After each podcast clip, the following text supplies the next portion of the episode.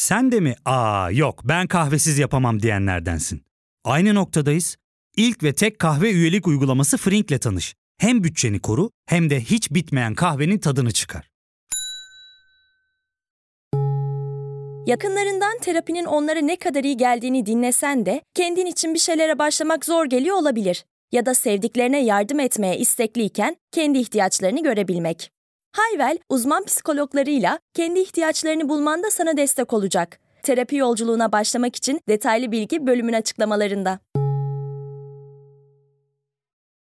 Merhaba, yarı hasta Dilara olarak bu girizgahı kaydediyorum. Çünkü bu daha önce yapmadığımız bir yeniden ziyaret bölümü olacak. Muhtemelen sosyal medyada denk gelenleriniz olmuştur. İki haftalık çıldırtıcı bir migren atağı ile mücadele ettiğim için buradaki programa ara vermek durumunda kaldık ve bu tatsız ara daha fazla sürmesin hem de dinlemeyenler de olabilir diyerek eski ama mesaj bakımından bence güncelliğini koruyan favori bölümlerimden birini yeniden paylaşıyorum. Elimdeki bu yaşamla ne yapacağım?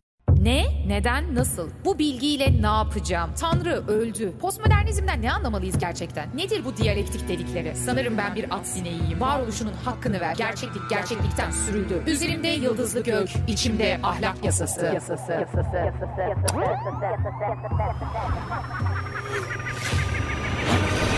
Dünyaya fırlatıldık. Birkaç sene öncesine kadar bu podcast'teki Düşünürlerle Düşünüyorum serisinde olduğu gibi felsefi bilgiyi öğreniyordum ve zihin sarayımdaki o çekmecelere yerleştiriyordum. Mesela biri Platon dediğinde ha P harfi, P harfi çekmecesi, sonra L deyip aha Platon dosyası bulundu diyordum ve üzerindeki tozu üfledikten sonra birdenbire Platon hakkında bildiğim her şeyi anlatmaya başlıyordum. Platon bla bla bla bladır. Sonrasında ben içerik üretmeye başladığımda böyle takriben 25-26 yaşlarımdayım. İnsanlar forumlarda veya yorumlarda beni 60 yaşını aşmış filozoflarla kıyaslıyorlar. Ya bu kızı dinlediğimde hep hap bilgi görüyorum. Bir de mesela Ahmet Arslan var, Ulus Baker var. İşte efendim bunlar şöyleyken bu kız şöyle diyorlardı. Yahu daha 25 yaşında genç bir kadın master'ını yeni bitirmiş, hayatta ne yapacağına dair en ufak bir fikri yok. Malzemesini işlemeye çalışıyor işte diye düşünüyordum içimden. Çünkü bir yandan sahip olduğum ilgiler var, felsefe, sanat odağında bir hayat yaratmaya çalışıyorum. Ama zaten böylesi ilgileri olan birinin kendi ayakları üzerinde durarak bir hayat yaratabileceğine dair de kaygısı var tabii. Düşe kalka çabalıyorum. Bir odada video çekiyorum. Hiç düşündünüz mü? Neden kadınlar pembe, erkekler ise mavi renk ile temsil edilir? Neden onca renk arasından yalnızca pembe ve mavi? O yüzden bu girizgah ile bu defa hayatımın ilk çeyreğinde yaptığım gibi kendimi yerden yere vurarak acımasızca eleştirmeye niyetim yok. O sulardan geçtim. 30 yaş bilgeliği diyelim buna. Çünkü sonrasında şöyle bir yere geliyorsunuz yavaş yavaş mevcut potansiyelinizi edimselleştirmek suretiyle tam da Aristoteles metafiziğinde söylediği gibi ben de bu kavramları gelecek bölümlerde açacağım. Kendince, olabildiğince bilgeleşiyorsun işte. Hani teorik zeka, pratik zeka gibi bir ayrım vardır ya. Ben şimdi bu teori ve pratik meselesini yani o iki kavramı zeka bağlamında değil de çaba ve işleme bağlamında kullanacağım. Teori kelimesinin geldiği kök teoria, eski Yunanca'daki teoria, bakmak, görmek, seyretmekten türer. Aslında dünyayı, varlığı ele aldığınız konuyu kavramsal zihinsel bir şemada görmek demek. Ben bunu şöyle anlıyorum. Hani bir bakmak bir de görmek deriz ya. Bir bakmak vardır, farkında dahi olmazsın. Bir de gerçekten onun özünü görürsün. Bağlantıları keşfettiğin kendince bir bakış geliştirmektir teoriya. İşte böylesi bir teorik bilgi aslında dünyayı algılayış biçimimizi de kökten değiştirme potansiyeli taşır. Evet hoş, tamam başlangıçta söylediğim bu 25 yaşlarına kadar felsefeci Dilara'nın yaptığı şey böylesi bir naçizane teoriyaya sahip olmaktı. Ama bir de bu bilginin hakikaten eyleme dönmesi var değil mi? Yani algıların değişmesinin davranışlara, seçimlere dahi uzanması meselesi. Bu aslında Aristoteles'in Nikomakos'a etikte tartıştığı bir kavram aslında. Phronesis, pratik bilgelik demek. Bu kavrama bayılıyorum. Çünkü klişe bir yerden bakarsak aslında felsefe kavramının etimolojik kökenindeki o filosofya terimi bilgelik sevgisi, bilgeliğin peşinde olmak demek ya. Hepimiz biliyoruz artık bunu. Bu bilgiye erişip onu orada bırakmak değil. Kavramın kendisi dahi bize yaşama dair bir şeyler söylüyor aslında. Çünkü çok fazla bilgi sahibi olmak insanı bilge yapmaz. Bilgelik bilgiyi kullanma kapasitesidir. O yüzden Aristoteles, yine yeniden Aristoteles şöyle der. Bilginin amacı bilgi dahi değildir, eylemdir. Yani çok fazla şeyi biliyorum, bütün teorileri biliyorum ama davranışlarımda, seçimlerimde herhangi bir değişiklik olmadı. Peki ben bu bilgiyle ne yapacağım? O yüzden son birkaç senedir bu 25-26 yaşlarında Dilara'nın yaptığı şeyden adım adım uzaklaşarak şunu düşünmeye başladım. Peki ben bu bilgiyle, bu felsefi teorik arka planla birlikte nasıl eğileceğim? Yaşamımı nasıl dönüştüreceğim? Çünkü felsefe bize nasıl eğileceğimizi, bu yaşamı nasıl yaşayacağımıza dair bir şeyler söylemeli. Hatta Stoacıların da çok sevdiğim bir sözü var. Tam da yeri gelmişken hatırlatmak isterim. Felsefe bize nasıl konuşacağımızı değil, nasıl davranacağımızı öğretmeli. O yüzden şimdiden şunu söylemek lazım. Elbette bunun eylemlerimize yansıması gerçekten bir ömür alıyor. Yani 5 sene öncekinden çok uzakta bir yerde olabilirim ama henüz varılması gereken yere vardım ve artık bir bilgeyim gibi bir iddiam da yok elbette. Pratikte bilgi olmak, etik bir yaşam sürmek, ironik ama her filozofun dahi başardığı bir konu değil. Çünkü felsefe muazzam bir alan, devasa bir alan. Atıyorum dile dair çözümleme yapan e, ya da metafizik konularda ilgilenen filozoflar var ama bu filozofların pratikteki toplumsal yaşantısı aslında bizim bugün çok da etik diyebileceğimiz yaşamlar değildi. Çünkü sizin metafizikteki fikirlerinizle aslında bireysel yaşantınız arasında bir bağ olmak zorunda değil, değil mi? İyi bir metafizikçi olduğu halde ahlaksızın tekiydi diyebileceğimiz filozoflar dahi var. Marx'ın çok popüler bir sözü var. Mutlaka duymuşsundur. Tüm filozoflar dünyayı çeşitli biçimlerde yorumladılar ama asıl olan onu değiştirmektir demişti. Marx felsefesinde önemli olan şey praksis yani pratiktir değil mi? Kişinin pratikte o teoriyi edimselleştirmesi gerekir. Ben burada hadi dünyayı değiştirelim demiyorum ki diye de bilirim ki hatta demeliyiz ama burada özellikle vurgulamaya çalıştığım şey benim felsefeyle kurduğum ilişkinin biraz dönüşmeye başlaması. Artık bunu iki evreli bir ilişki olarak kurguluyorum. Birinci evrede ya da birinci biçiminde metafizik yapıyorsam, örneğin zihin üzerine düşünüyorsam, zihnin ne olduğuna dair teori üretiyorsam, ikinci evrede felsefeyle birlikte bireysel yaşantımı değiştirmeyi amaçlıyorum. Pratikte hayatımı, davranışlarımı dönüştürmeyi bekliyorum. Aristotelesçiyim yani bu konuda. Ve bu konu altı boş kişisel gelişimcilere bırakılmayacak kadar önemli bir konu. Bu yaşamı nasıl yaşamak istiyorum? Nasıl bir yaşam kurmalıyım soruları sanki artık böyle boş kişisel gelişimsel konularmış gibi geliyor kulağa ama yaşamı düşünmek, bir yaşam felsefesi geliştirmek felsefenin olmayacaksa kimin konusu? Bu noktada bölüme kısa bir ara verelim, sonrasında devam edeceğiz. Ya fark ettin mi? Biz en çok kahveye para harcıyoruz. Yok abi, bundan sonra günde bir. Aa, sen Frink kullanmıyor musun? Nasıl yani? Yani kahvenden kısmına gerek yok. Frink'e üye olursan aylık sadece 1200 TL'ye istediğin çeşit kahveyi istediğin kadar içebilirsin. Günlük 40 TL'ye sınırsız kahve mi yani? Çok iyiymiş. Aynen. Hatta şu anda 200 TL'lik bir indirim kodu da var. E hadi hemen indirip üye ol da bu fırsatı kaçırma.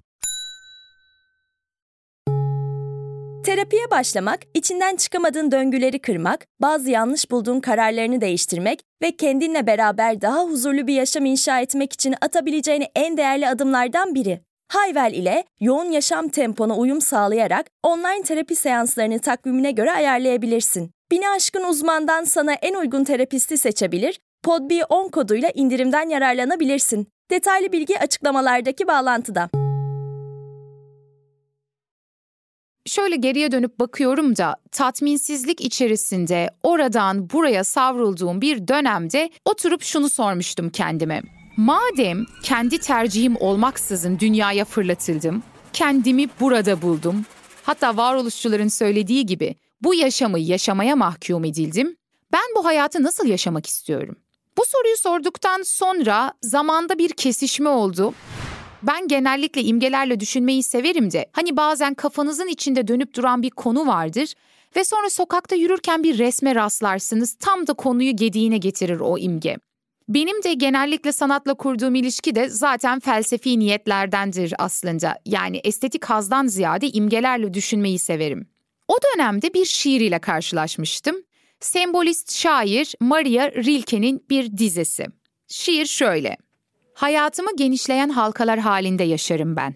Nesneler üzerine açılan birim birim. Sonuncuyu belki başarmak gelmez elimden fakat yine de denemek isterim. Rilke ne kastetmişti bilmiyorum ve umurumda da değil aslında. Çünkü sanatta zaten öznelerin kendisince bir anlam yaratma olanağı var. Her zaman böylesi açık yapıtlardır sanat eserleri ve izleyicinin, okuyucunun yazarın ölümünden sonra kendi anlamını kurma ihtimali de var. O yüzden Rilke'nin bu şiirle birlikte ne kastettiğini bir kenara atalım ve benim ne gördüğümü söyleyeyim. İlk dizi o dönemde beni acayip etkilemişti. Hatta bunun üzerine geçenlerde de bu yapay zeka programlarından birinde bir tasarım, bir resim yaptım. Instagram hesabımda paylaşırım onu da. Tekrar ediyorum ilk dizeyi. Hayatımı genişleyen halkalar halinde yaşarım ben. Sonuncu halkayı başarmak belki elimden gelmeyecek. Evet çünkü orada bir son yok. Sonsuza dek yaşamayacağım. Ölümlüyüm. Zamanımın sonluluğunun bilincindeyim. Yok olacağım ama yine de denemek isterim. Sonrasında oturup düşündüm, uzun uzun düşündüm. Bir halkanın genişlemesi için ne olması gerekir dedim. İç içe geçen, giderek genişleyen halkalar hayal edelim birlikte. Bir halkanın genişlemesi için mevcut sınırının dışına çıkması, başlangıçta olmadığı bir şeyi deneyimlemesi, artık onu deneyimlemiş olmanın hissiyatıyla birlikte onu da içermesi bu içerme yoluyla başkalaşması yani başlangıçta olduğu halka olmaktan çıkması ve sonrasında bu başkalaşmanın da artık tanıdıklaşmasının getireceği noktada yeniden onu da aşmaya doğru ilerlemek.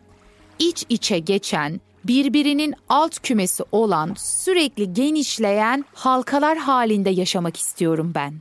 İşte bu tam olarak Hegelci diyalektik aslında. Hani herkes der ya bu diyalektik nedir? Tez, antitez, eşittir sentez falan. Bu kısmı da Hegel bölümünde uzun uzadıya konuşacağız zaten ama bakın bir şiir bile felsefeyi ne güzel anlatıyor aslında değil mi? Birbirini kapsamak ve onu aşmak suretiyle halkaların daimi olarak genişlemesi olmalı hayat. İşte ben böyle yaşamak istiyorum. Peki o zaman bu şekilde yaşamak için ne gerekli? Eğer kapsadığım durum bu ise benim halkam, benim çemberim, şu anki halimi düşüneyim. Şimdi kapsamadığım, benim değilim olana doğru açılmam, genişlemem lazım. Yani olmadığım potansiyelim olmam lazım değil mi adım adım?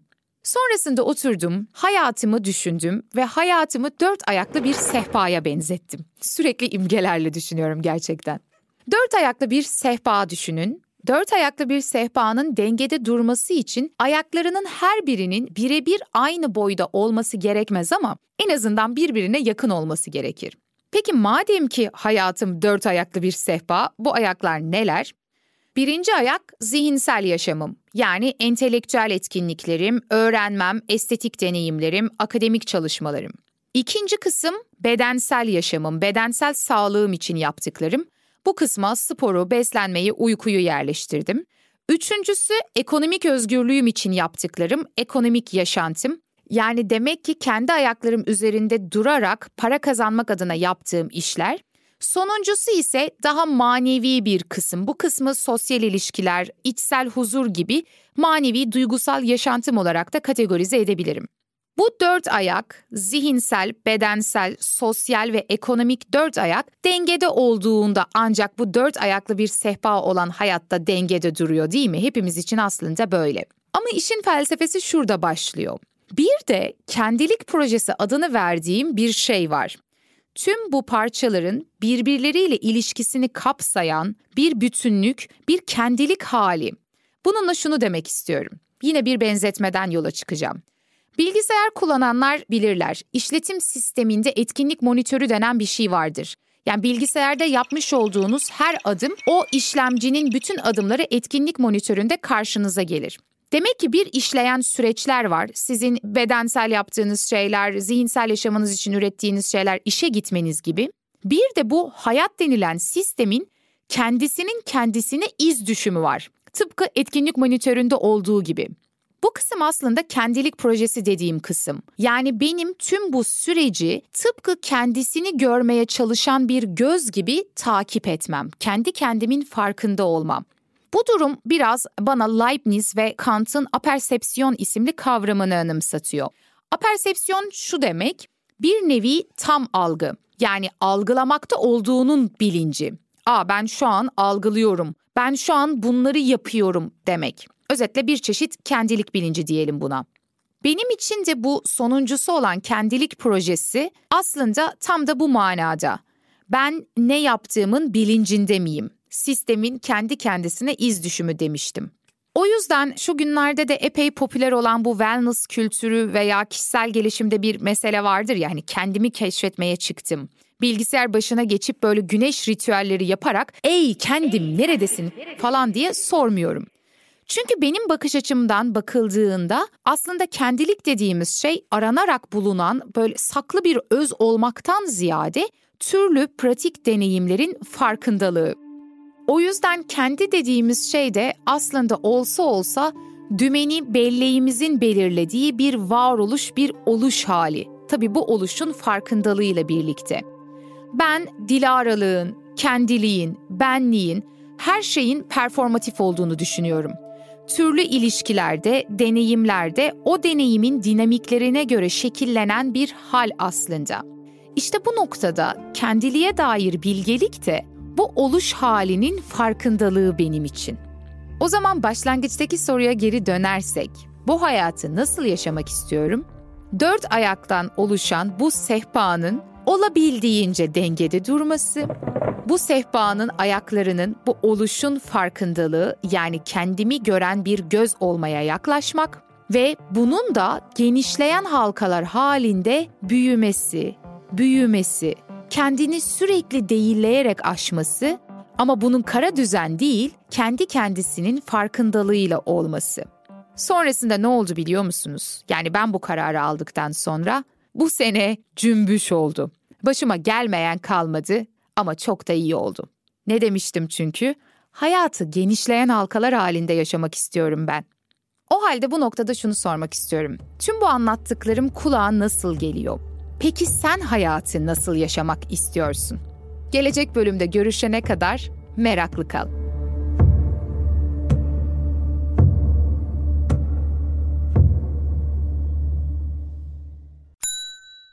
İlk ve tek kahve üyelik uygulaması Frink, 46 ildeki 500'den fazla noktada seni bekliyor. Açıklamadaki kodu girerek sana özel 200 TL'lik indirimden faydalanmayı unutma.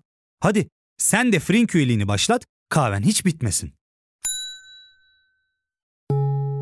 Hem bugününe hem yarınına katacaklarıyla terapi yolculuğuna ve daha iyi hissetmeye bugün Hayvel ile başla. Açıklamadaki linkten Hayvel'i indir, ücretsiz tanışma görüşmelerinin ardından bütçene uygun seans paketini seç ve terapi yolculuğuna başla.